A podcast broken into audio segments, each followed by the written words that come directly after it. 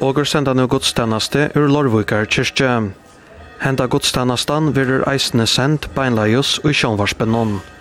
Solmanur og sungner vera fire predike ere, nummer 2 trus, Tu Herre Krist, min frelsa vist, nummer 412, Her trygg av god er til, og etter predike, nummer 408, var trygg vårt fasta alit er, nummer 506, Onka tui er fra mer vaje. Og salmaner våre, nummer 2 trus, nummer 412, og etter predike, nummer 478 og 506. Gerard Jonsson Mikkelsen prestor predikar, Helma Maria Trondheim er degnur, vi orkena sitter Hugne Jakvansson, og klokkare er Oslakur Heinesen. Tøkningur i kyrkjene er Alvin Elleby.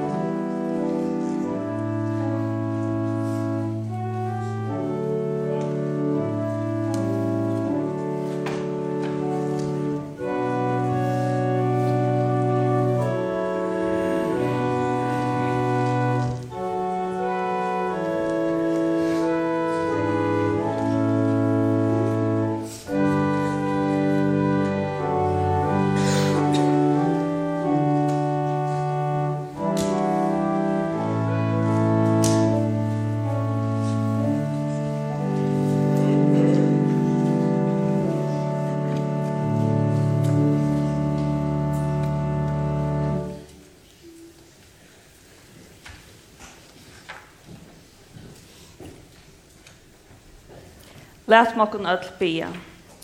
Herre, er innkommen i etta høylaia husstut at høyra, kvart i to god feir skapar moin, to Herre Jesus frelsar moin, to gaue høylaia ande, ukkar moin, og i luive og deia vilt vi med tala. Herre, åpna tu no såløs vi tu nun høylaia anda, for Jesu Krist skuld hjarta moit, at jeg av året tu kan læra at bere enkur om synder moinar, og i løyve og deia er tryggva Jesus, og kvann det og i høyla mot løyve og levna i apatna. Ta høyre og bønar god for Jesu Krist. Amen.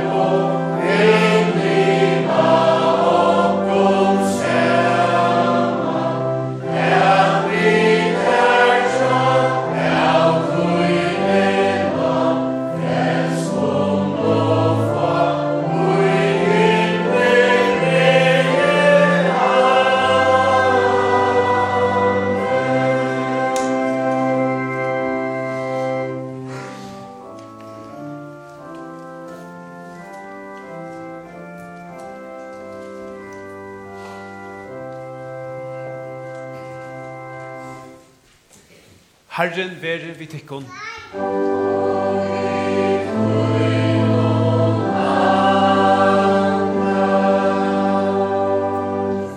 Og i er annar sundagur i føstå. Et trygg vi hjelp til vantrygg mine, sier papen at dronjen vi gjør noen male som anta. Vi tar om en papa som er dyra som nei, og bæra lunches etter å få sånn som en Han tror Jesus, men hever alla gåa grunder til øysne at ivast. Hvordan kunne hesen papen bei Roma trygg og vantrygg og hjärsta søgn? Og hvordan ser Jesus han? Og hvordan vi okkar er trygg? Og hvordan møter Jesus okkon som om vi kunne teka som år i okkar munn som papen er trygg ved hjelp til vantrygg munne? Hvordan møter Jesus okkon her? Her? spurningar som vi kommer atter til i prætikne vid det. Om man løtta, så vil badna løtta, her ødt bøtten, bæg her inne, og her ute, kring alt landet, er velkommen til å være vi, og synja saman vi okkur. Læt okkur høtt bia. Herre var god, himmelske fægir. Vi bia til at du vil styrkja gjørst okkara. Vi høyla i andatøynun, og og gjør okkur først i trunna og vågna om nøye, tøyna og misko. Så at vit, og så færen at sonen vi maleisen anda, vi halda fast vi son tøyn Jesus Krist, og finna hjelp og bjergjeng fra hånden, som vi tar liver og ræver, og i øynløyke høyla andans, øyn sannur god om aldur og æver atler.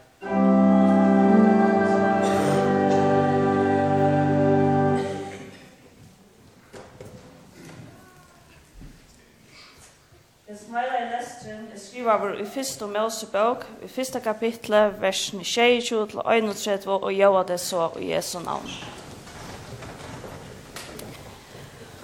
Og Gud skapa i mannen etter syne mynd, og i Guds mynd skapa i han han, som kall og kono skapa i han teg.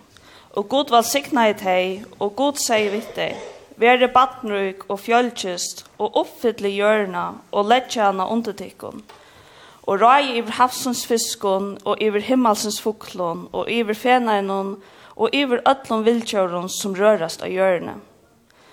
Og god sier framvegis, «Soi er djevet ikkon allsins frabærande orster og allar hjørne, og allsins trø som bæra avvøkst vi frei ui. Tei skuld dit hava til føye.» og öllun djaurunun av hjørne, og öllun himmelsens fuklun, og öllun som skrujer av hjørne, öllun tui som hever lufsanda, gjev vi alt græs og grønar urster til føje. Og ta vær så. Og god leit at öllun han hei gjørst, og sui ta vær sera godt. Og ta var kvöld, og ta var morgon, satte dæver. Amen. Nu vi at hava Vatna løtto, råpa vi det her i Lorga kyrkjo. Her vi får synge noen sjanger sammen, så får jeg hava en lutla søv og eller fortelle seg om hva teksten snur seg om i det. Så nå er ødt bøttene velkommen å komme som er her i kyrkjene. Velkommen til som er ho, velkommen å være vidla synge sammen vi okkom.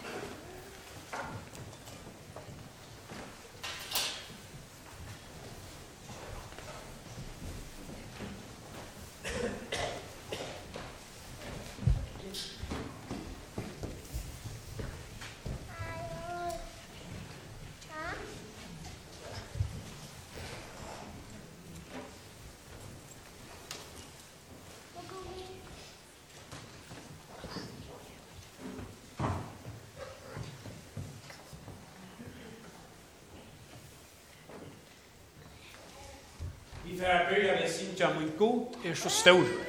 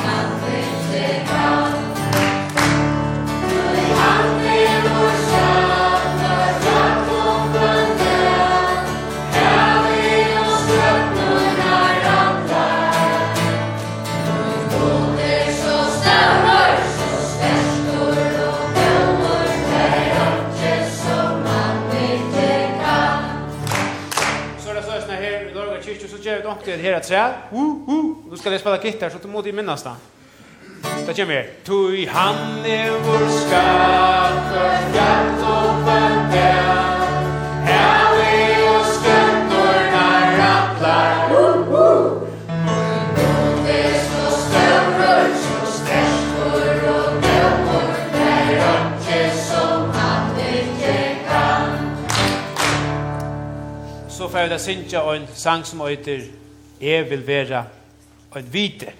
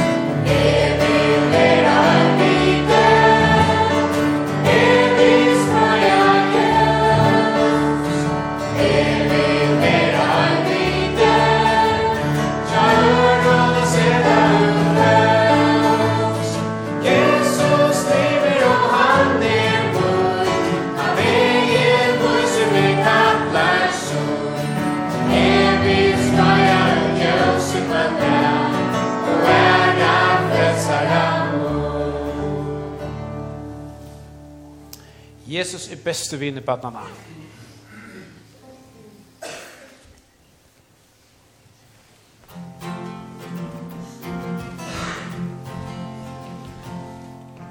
Jesus, reste vinner bara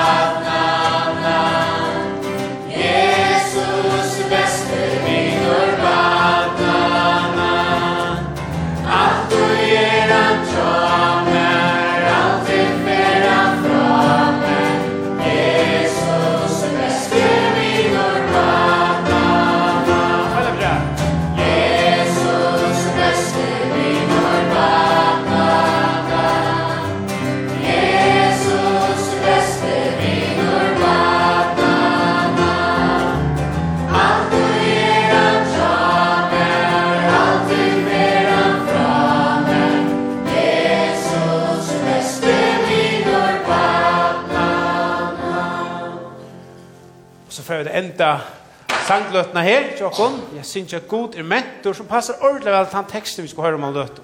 God er mentor, god er mentor. God er mentor.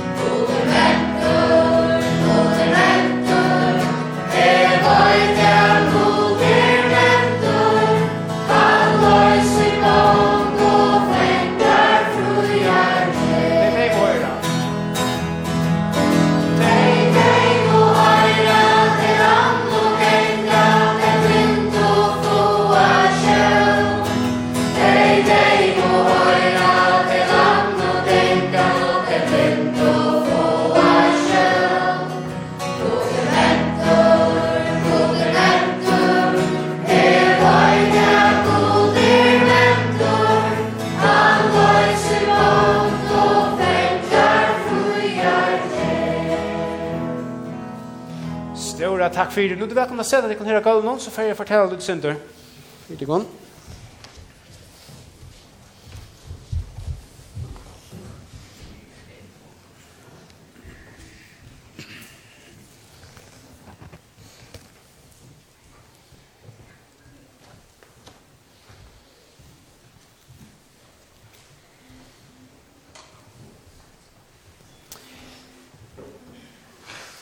Jeg har tidsi en kassa vid det, Og bare til det er ofte, så kan jeg tenke når jeg kassa, så minnes jeg bedre selv hva jeg skal si.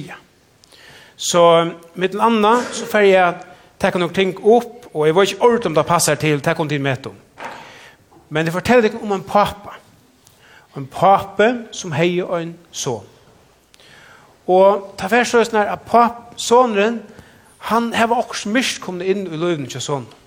Som gjør det at han ikke kunne styre seg selv, og han ikke ordentlig hei rei av seg selv.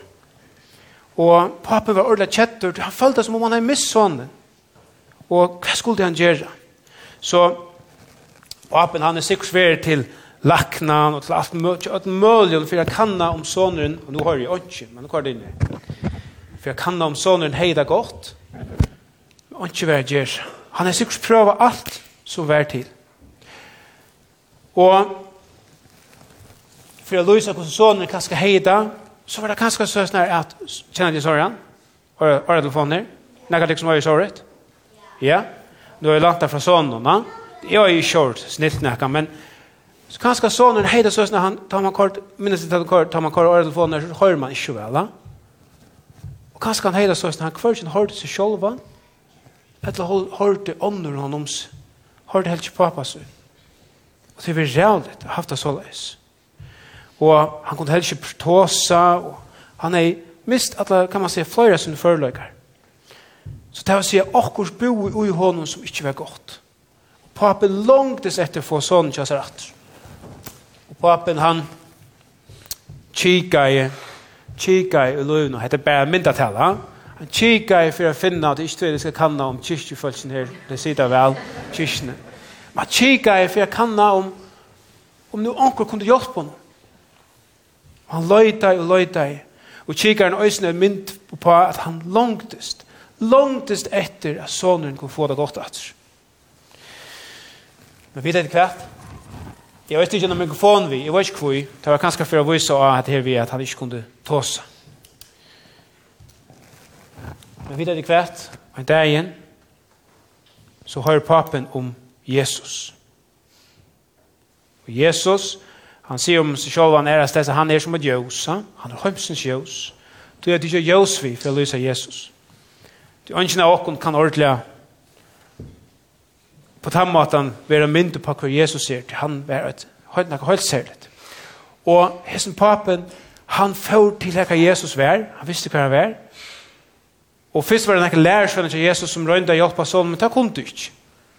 Så kom han til papen, så røpte han til papen, så røpte papen til Jesus, kom til Jesus, så røpte papen til Jesus, hjelp meg. Jeg vil så gjerne tryggva, men jeg har ikke mist alle vøn, jeg har mist, jeg fyrir ivast, og min nekka til i sånne natter. Du måste, måste hjelpe meg. Og hva gjør det Jesus? Han får iver til sonen, ikke som pappaen hon, og han tog alt her mysker som var i sånen, borstur, og så flottet Jose inn. Men det som hendte, det var det at sonen la som deier å gjøre. Og folk hoksa og, nu er det sin dronker enn deier. Men Jesus tok i hånden av honom, men du tør ikke. Så tok han sonen opp, dronken opp, opp av.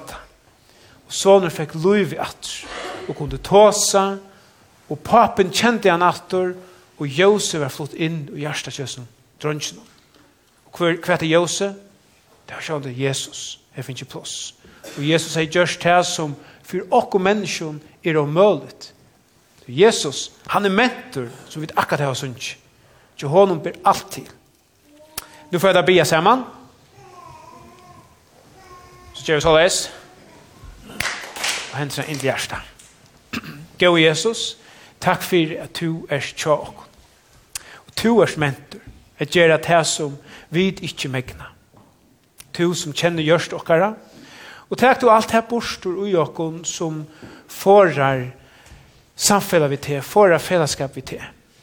Takk alt her bostur som ja, er myskor og, og legger okkon etla, som ikke er godt fyrir okkon. Og fly tu inn, Jesus, og gjørst okkara. Fyll okkon vi tøyne, der er glede og fri og trøst, ljós, alt det gode som du gjør oss.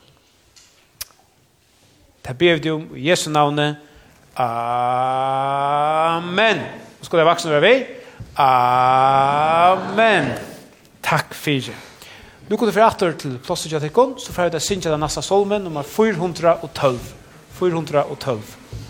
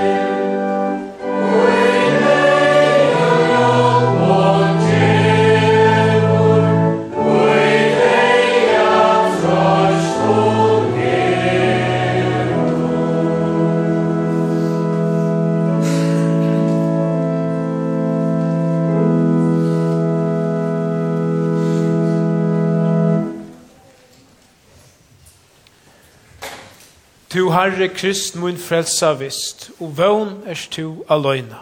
Et trykk vi og vær tja mer, først fauta fær, vi tog noen åre røyna. Amen. Hetta heila evangelie til til annan sundag i føsto skrivar Markus evangelistur i 19. kapitlet ørne 14 til 20 og det er jo også i Jesu navne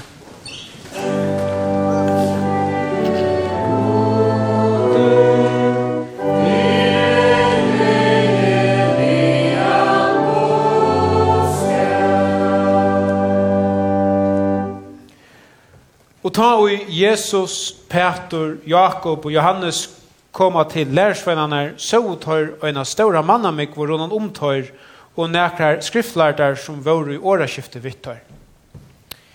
Og vi tar sama mannamikvan ber eia vi Jesus, kvokk og teg öll vi, og teg kommer rennande og hølsa av hon. Og han spore teg, hva skifta titt år vittar om, og øynur fjöldene sværa i honom, Morsdare, jeg kom her til til vi sine munnen som hever en malesan anta. Og hver han som kommer av han, syfter han han nyer, og från vever om munnen av honom, og han kruslar tenn, og han kommer borster ui ånds. Og jeg sier vi lærsvinnar tøynar, at tar skulle reka han ut, men tar vår ikke fører tøy. Men Jesus sverar i tøymen og sier, «Å, to vantron og slekt, hvordan lønge skal det være tjatikken?» Hvordan lønge skal jeg tåle tikkun, fører han til moin. Og tar førte han til hans herre. Og vi tar samme, han sa han, sløyt anden ujan, og han fett ned til gjerrar og la, og veltest, og frøyen vøv og munne. Og Jesus spurte feir hans herre, hvordan lengt er det sujan, hetta kom av han. Men han sier, fra badna arm, og ofta hever han, kasta han bæg i eld og i vatten, og för att förkomma hon. Men om du är snäcka mentor, ta miskunna okkon och hjälp okkon. Men Jesus säger vi han, om du är mentor, allt är möjligt för honom som tror. Och stunden skär bansens färger i råp och säger, är tryggve, hjälp till vantrygg munne. Men ta Jesus sa, at mannen mig var en tyrste samman om, høtte han et i noen årene andan og sier vi han, to malese ante og deive. er bjauet her. fer ut ur honom og fer ikkje møyra inn ui han. Ta råpa i han og sløyt ekvelia ui han og fer ut. Og han vær som var et dett, så var flest öll søtto at han var deir. Men Jesus tog i hånden av honom og røste han opp. Og han røys og føtter. Og da Jesus var kommet til husa, da spurte lærersvenner hans herre, han anseres, hvordan ber det til? Jeg vet ikke før for jeg reker han ut. Og han sier, Victor, hetta slæge for ikke ut vid nøkron, utan vid bøn og føsto. Høyla i ferie, vi takkat her fyrt ut høyla i år. Året ut er sannløyke. Lata lysa kom veien til sannløyka og sælo. Amen.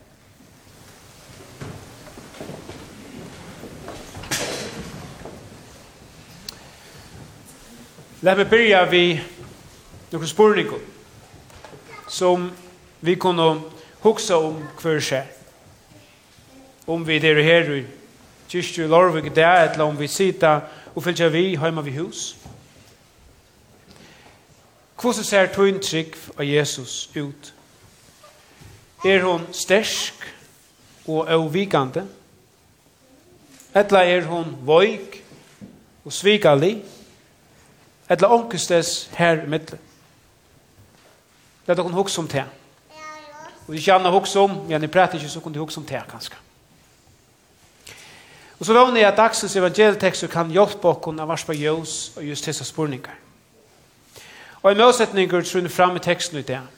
Jesus har stått frem han onda, ver uppja og noen høvun ser man vid Simon, lærsvøynon, Petre, Jakob og Johannes. Av noen, ombrøydes Jesus for egen torra.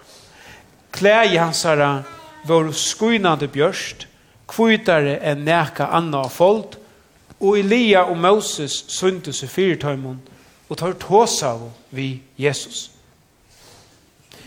Petur hever omkant å oppleva neka lyknande, og tidsi så over feien og öttafotler. Og ta han ikke veit hva han skal sija, spyr han Jesus om om han ikke skal bytja tru hus her av fjatten. Det som Peter sier, her er godt at være.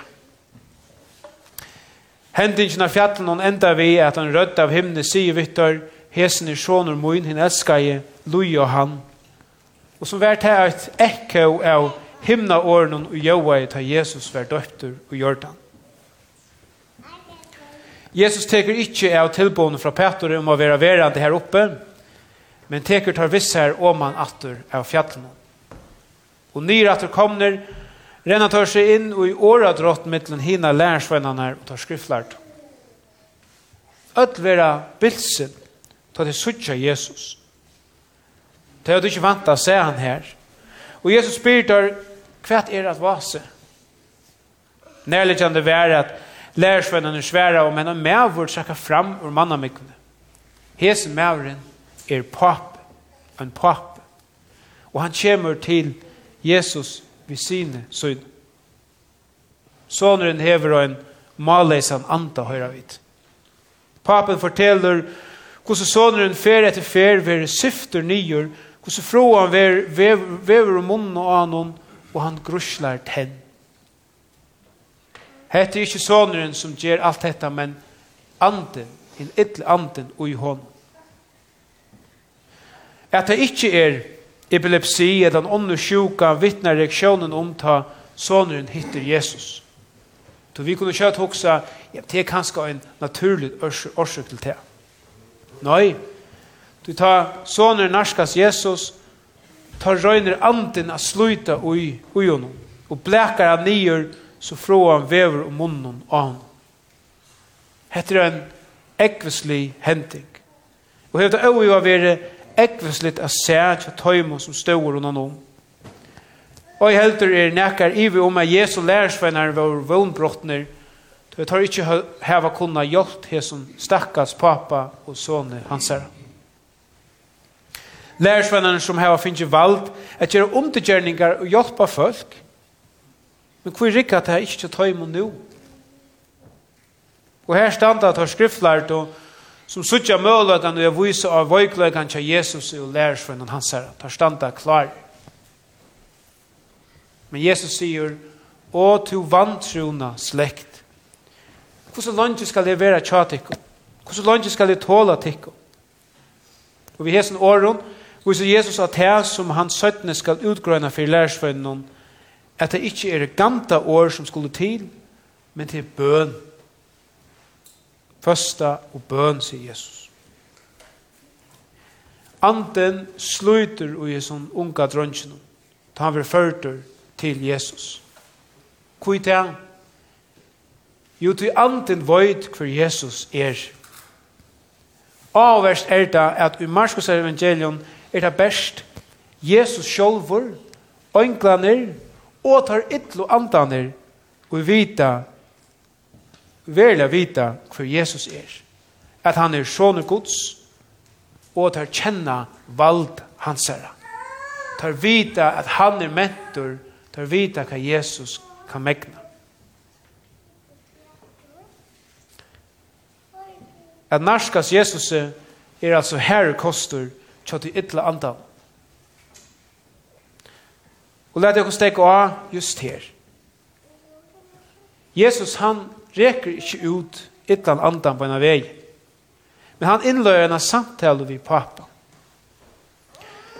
Han er best, Jesus er best avhår og hjelpa sonen og tjeisen pappan.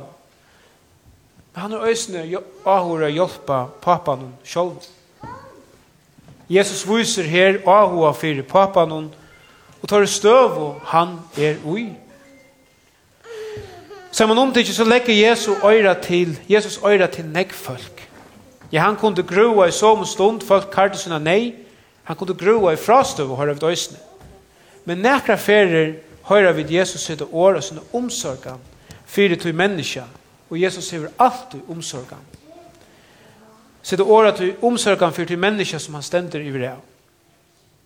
Han innløyna samtale og vitt deg, han legger øyra til, At lekingen ikke best er ut i åttara, men øysene fyr fram ut i innara. Og at han hatt viser Jesus sa at dette her var ødel menneske bruk fyr. Ødel her var vidt at kattel til å bæra tvei øyro og øyn munn at lusta tvifalt så nek som vi tåsa. At vise åhåa for kvarjonøren. Jeg vet vel at ok, så kan det være godt at vente seg til mer professional hjelp. Et lett søke rom her hin parsten best til stier for en lust. Kyrkjer og samkommer her til alle tog ikke plass for hesson. Ikke tog at at det kanskje alltid hever etna så vel at bjør etter ut, men til alltid være tilbå. Stendet er til dømes å skrive og i Innsettan av braun og tjån prest, han prester ved innsettur til dømes, at han skal vøyta øynene og kvørjene kyrkjelinen som stater er, og i antar leer eller tøymal leer nei, atla ta hjelp og han er fører fyr. Så nå har vi avduka hva stender i munnen. Arbeidsbrevet. Tog kan man alltid vända seg til en prest, og man har törva hjelp og råpa vid, og råpa vid døysene for salarøkt at røkja salene. Men Gåsen sagt, vi som trygg var Herren Jesus Kristus, heva vel öll og kall til at hjelpa, at vada hjelp her tørver er adu, at bæra Guds kærleika og omsorgan til menneska. Nu skal det ikke gjøres en løsning her i prætikene, men jeg vil korsene nøyde høve til å være på Jøs et nytt tiltak i kyrkene. Sala røkt av neten noen, sala røkt FO, Her du har möjlighet för att få en så kallad chatsamrå en prest. Og hva er det? Jo, tog vi til tørv å være møtt just som vi er og just her vi er i livet. Det pjøs ikke bare være vi en prest, det kan være en gåan vin, eller ankran ur her i kyrkjelinen, eller hver til universitet stater. Men vi tar bruk for at vi være møtt just her vi er i livet okkara. Og så Jesus møtte mennesker. Til han sa mennesker og gav plass for tåra løying og sorg og løy. Som til dømes hesen papen i dagsens evangelium. Papen som heier et hjärsta og hei bløtt i fløyre år. Og Jesus spyr pappan, hvordan lønner sånne hans herre hei haft det så? Fra baden og åren, sverre papen. Jeg husker jeg vidt som er foreldre, jeg vet ikke at okkara bøtten, okkara bøtten at de slipper så snikkaleis gjøgnon løyve som gjørlet. Høyas vi vita at løyve for å bjøa ta imom mekt og kvært. Du så nær, ta så nær hva hente bøtten okkara, så er det som at pynan verir okkara. Hesen papen hei et fægir hjärsta som blødde.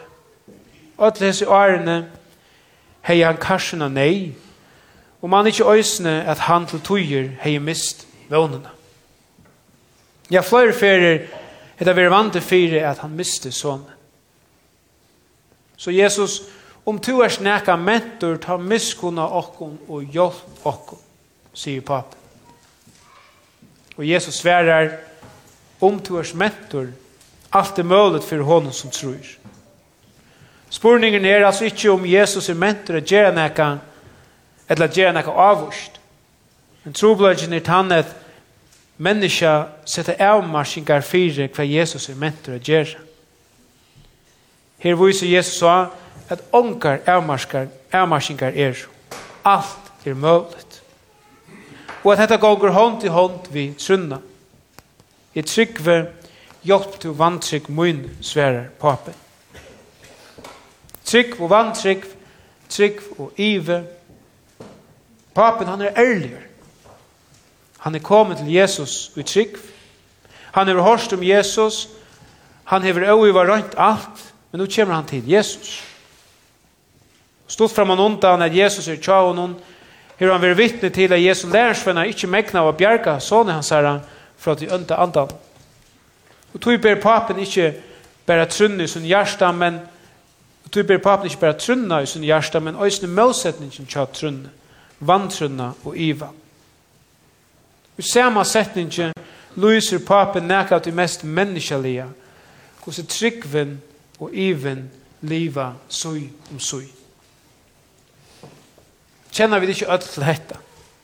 Jeg tar vi vise og alit, tar vi tryggva, tar vi elska onkran, så er alltid vant til fire at det er gjerst til sin motsetning misallit, vantrygg, iva, vånbrott og hætter. Men her er det at Jesus fer etter fer viser og at høyast okkara luttlo trygg så er han alltid sterskare. Vi kunne komme vi okkara luttlo trygg okkara iva okkara råp om hjelp og okkara bøn. Han høyrer okkon og hever omsorgan fyrir okkon. Jesus han hørte i bønene og neier oppe til som pappa. Papen og mannen meg vann er å vittne til neka som det ångan til færre gløyme. Jesus reker ut til ytla andan til vi til urslite at sonen ligger som deier. Men Jesus teker og igjen og røyser han opp. Sonen kommer av føtter og papen har finnet sånn som atter. Jesus viser hver han er. Ikke best fyrir tog ytla andanon, men fyrir alle manna mikkene. Han viser at det er sikningene som det er, ta vid vende okkur til hans herre i bøn vid høkk. Høyast okkar at trygg til tøyer tidsis da vera bæge kyrvisli, skinklot og stokkot. Så fyrir vende atter til byrjan, spurningane er. Hvordan ser okkara trygg av Jesus ut? Jeg og ønsken av okkon kan svære tøyna vekna. Men spurningen er om hetta er den rette spurningen i behøver. Til sannleggen er tann at Jesus ser okkon just her vid er. Han gledes om det trygg av han som vi heva, og han ser at Hon kan vera stor etla lytel, stersk etla voik, og vikandi etla svikali. Og han innskir at tryggven vekser ui okko. Og han byr okko under öllum lufsens vidskiften om a venda okko til søgn til hans herra i bøn vi tøkk. Øysen sjålt om okkara trygg og han kan litja av en høyt lutlom steg. Men han kallar okkon til a venda at vi venda okkon til hans herra og takke møter tog som han vil djeva okkon, og han ser hvordan stør trygg okkar er, men bare her vi venter okkon til hans herre, og en så papen gjør det.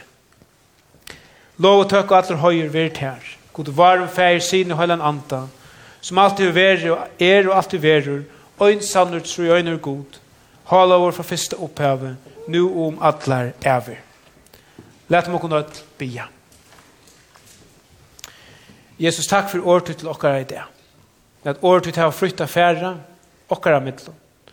Og la rujtje tøyt vi rattvise, fri og glede veksa og bonast. Takk for at du er mentor, at for det her er alt mulig. Fyrir djev okkon ta trygg okkara tidsis voik, hjelp til vantrygg okkara. Fyll okkon vi tøynun høyla anda, og takk borsur til som drever okkon borsur fra ter. Herre, veit til okkon fru med å bia for hver nør. Jeg vil ikke hånda sjuk og ånder som har bruk for forbø. Hjelp okkon til å lursta ta folk hava ilt i salna og lønjast etter omsorgan fra tær og medmennesken. Og hjelp du okkon til at bera vittnesboren om te til öll mennesken. Og i vøvn og trygg at liv okkar liv så øysene vid kunne vittne om hva to har vi gjørst Gjer okkara lov til en vittnesbord, her vid i ödel løsens vidskiften, pojka og te, herra og frelsara okkara. God feir okkara, vi er tjokken ödel vi nai og hjelp og sikning tøyne. Vi vi nai og hjelp tøyne tjøtel tøyne som hei at ringt og luja nei, er forfyllt eller luja under krutsk og fatakka døm. Gjev du tøyne nokkon ödel og en latta fra tær, og byrst og djøs fyrir tøyme trøsta öll, tei som sørgar bunt nero, sykja öll som sjuk er, som er nøyvd av iva, stura og ötta. Vi feir at feir møyleisen, vi veier ikke ånden og ånden månden, vi hjelper ikke tøymen som ångan gåan heva. Stia og styrk öll, de gamla tar søgnast og spår, vi er ikke tøymen unga, hjelper tøymen og i hesson tutninga mingla åren i løyvi torra, her stårar avgjer skulle tekkast. Vi er vi bøtnen og familjon, Læt dere nødt sammen vi tøymen omgang til ivast og til vire vi tæva som tøynebød. Vi er vi ødelen som starvast og ferast av kjekve av landet og i flåferslo. Og sikna varve til kyrkjur og samkommer kring heimen. Og sikna varve til teg som kommer sammen i tøyne navn her til okken i Lorvøk, heima vi hus og vi om i fyrja landet.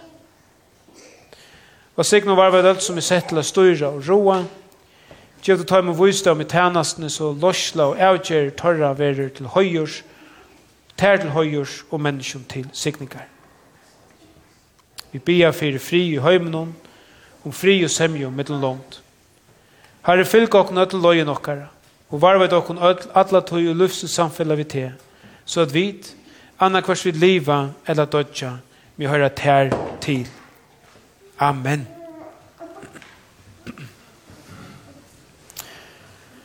Og jeg skal si at i dag gonger talvan fyrir kyrkjelige høymisjøvne. Takk fyrir stolen. Let oss komme via apostelen, ikke kvarøren. Herrens Jesu Krist nøye, og kærlighet Guds, og samfunnet høyla andans, vil vi og ødlom. Amen. Amen.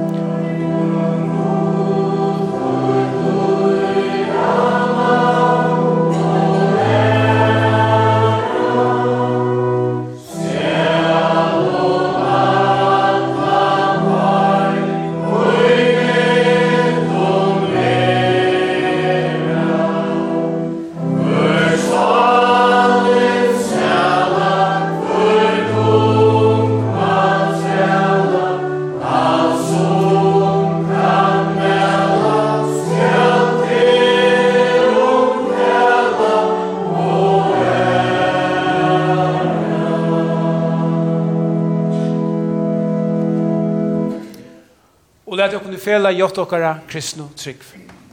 Vid avnokta djevelen og atlar gjerningar hans og atlan epor hans.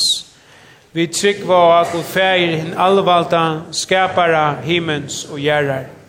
Og Jesus Krist, Guds øynborna son, våran herra, som er giden av høylaun anta, boren i høym av Mariu Møy, punslaur under Pontius Pilatus, krossfester, deir og gjerravur, nyer færen til helgar, tria dagen stein upp fra deion, færen til himmals, sidande vi høgru hånd Guds fægersins alvalda, hiane han tjemur at døma livande og dei. Og å høyla en anda, og en å høyla ja allmenna kyrkjo, samfellator og høylavo, fyre djeving sindana, opprøyst likamsins og løyv om alder og æver. Amen.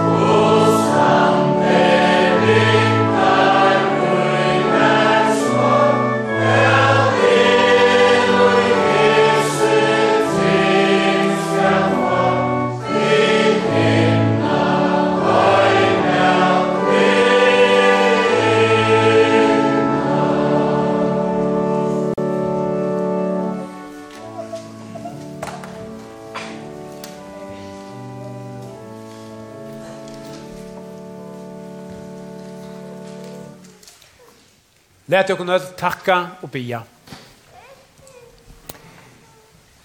Herre var god, himmelske fægir.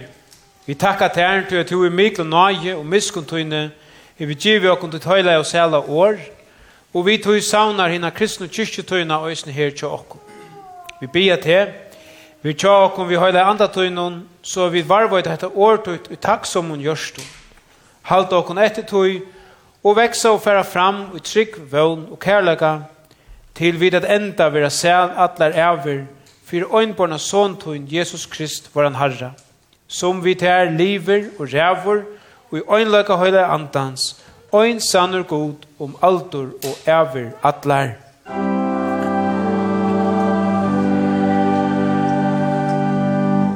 Og tæt vi sikning herrans.